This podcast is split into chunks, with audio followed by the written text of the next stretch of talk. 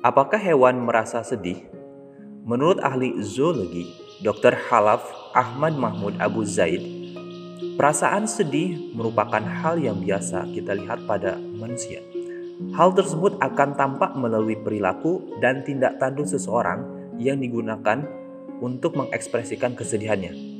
Namun yang menjadi pertanyaan di sini adalah apakah hewan juga merasakan sedih layaknya seorang manusia? Apakah mereka memiliki kemampuan untuk mengekspresikan perasaan saat kehilangan yang dikasihinya?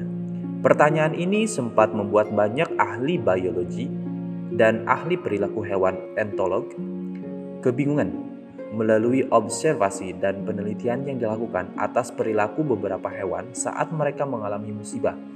Akhirnya, mereka sampai pada kesimpulan bahwa ternyata hewan juga memiliki perasaan yang sedih, layaknya manusia saat kehilangan yang dikasihinya.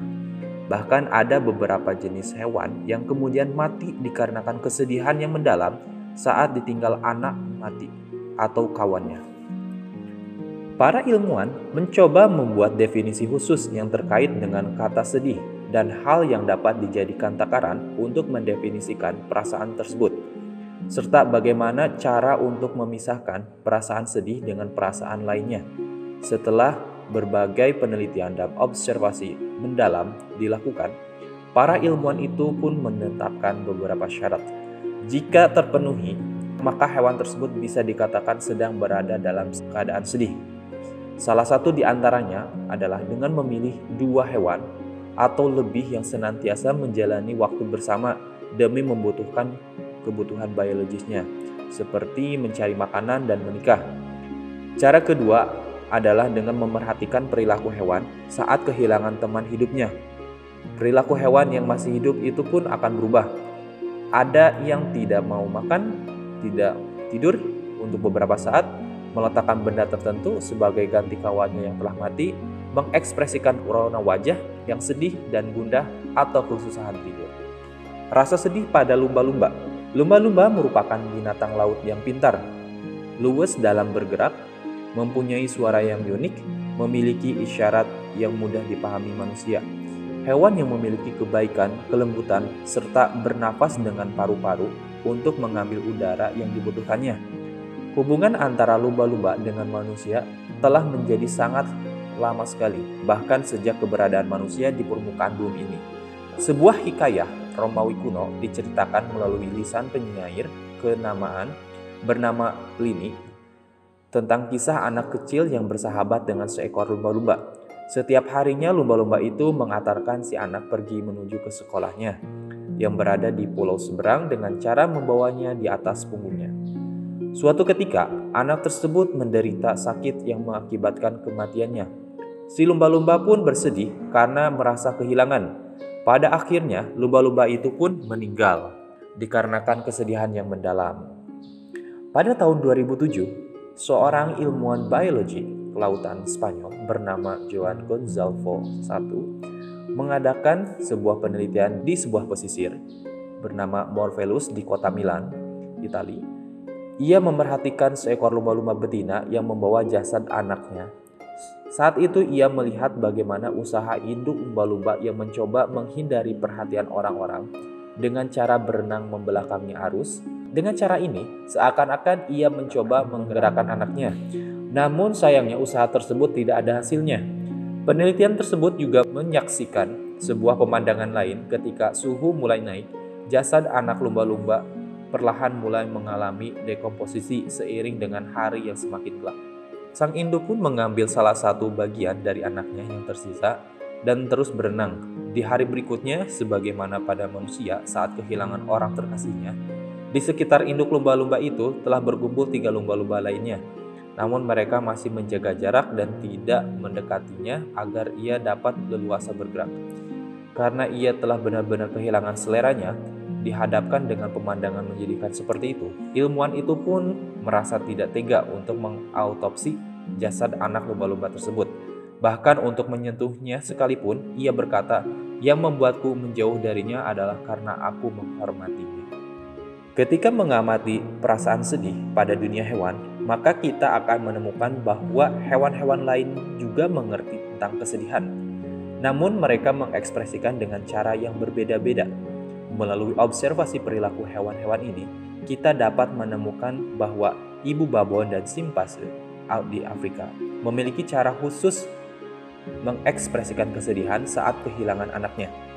Ia akan menggendong jasad anaknya selama berhari-hari atau bahkan berminggu-minggu sebagai refleksi dari kesedihannya yang mendalam. Kuda menolak untuk makan sebagai refleksi rasa sedih yang tidak dipelihara untuk melakukan puasa saat mereka tertimpa kesedihan.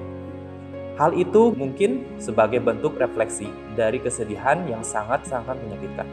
Tazkiyah bersama, kesedihan dalam dunia hewan tidak hanya terbatas pada individu semata.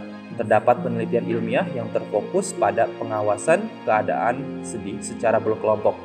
Pada beberapa jenis hewan, penelitian yang dilakukan oleh Sebasa Lasa Douglas Hamilton di Kenya mengawasi perilaku sekelompok gajah saat kehilangan pemimpinnya dia melihat gajah pemimpin dari kelompok tersebut yang mendorong jasad gajah tersebut dengan gadinya, seraya mencoba membangunkannya.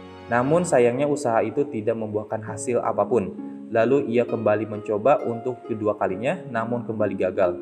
Setelah itu datanglah gerombolan dari gajah yang mati dan mencoba untuk menggerakkan jasad gajah tersebut ke kanan dan ke kiri dengan menggunakan tubuh dan kakinya berulang kali.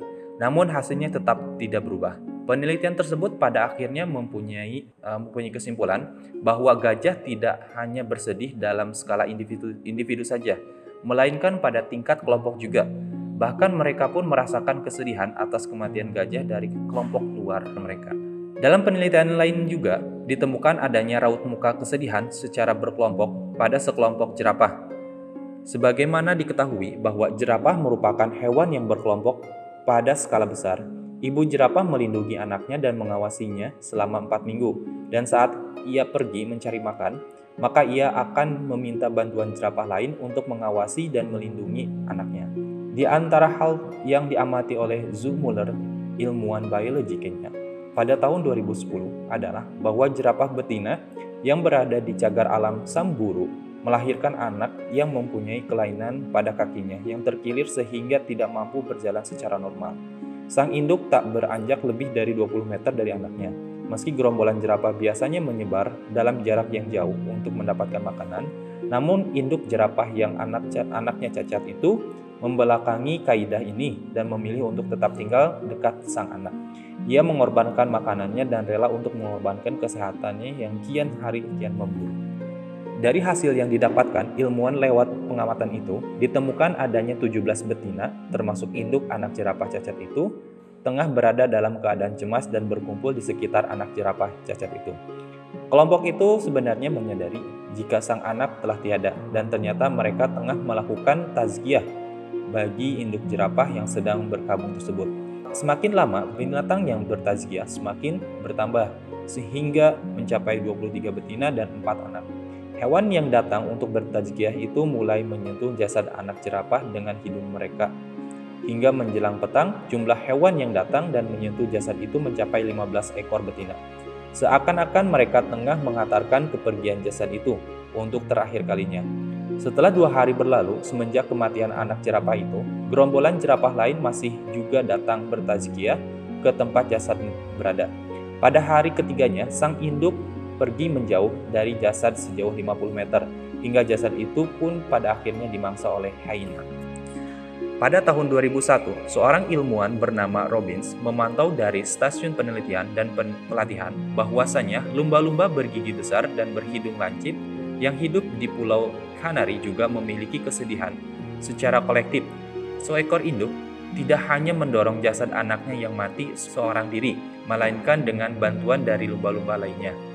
Di saat sang induk mulai kelelahan dan kehilangan keteguhan kekuat dan kekuatannya, lumba-lumba lain pun mulai membopong jasad anak itu di punggung mereka.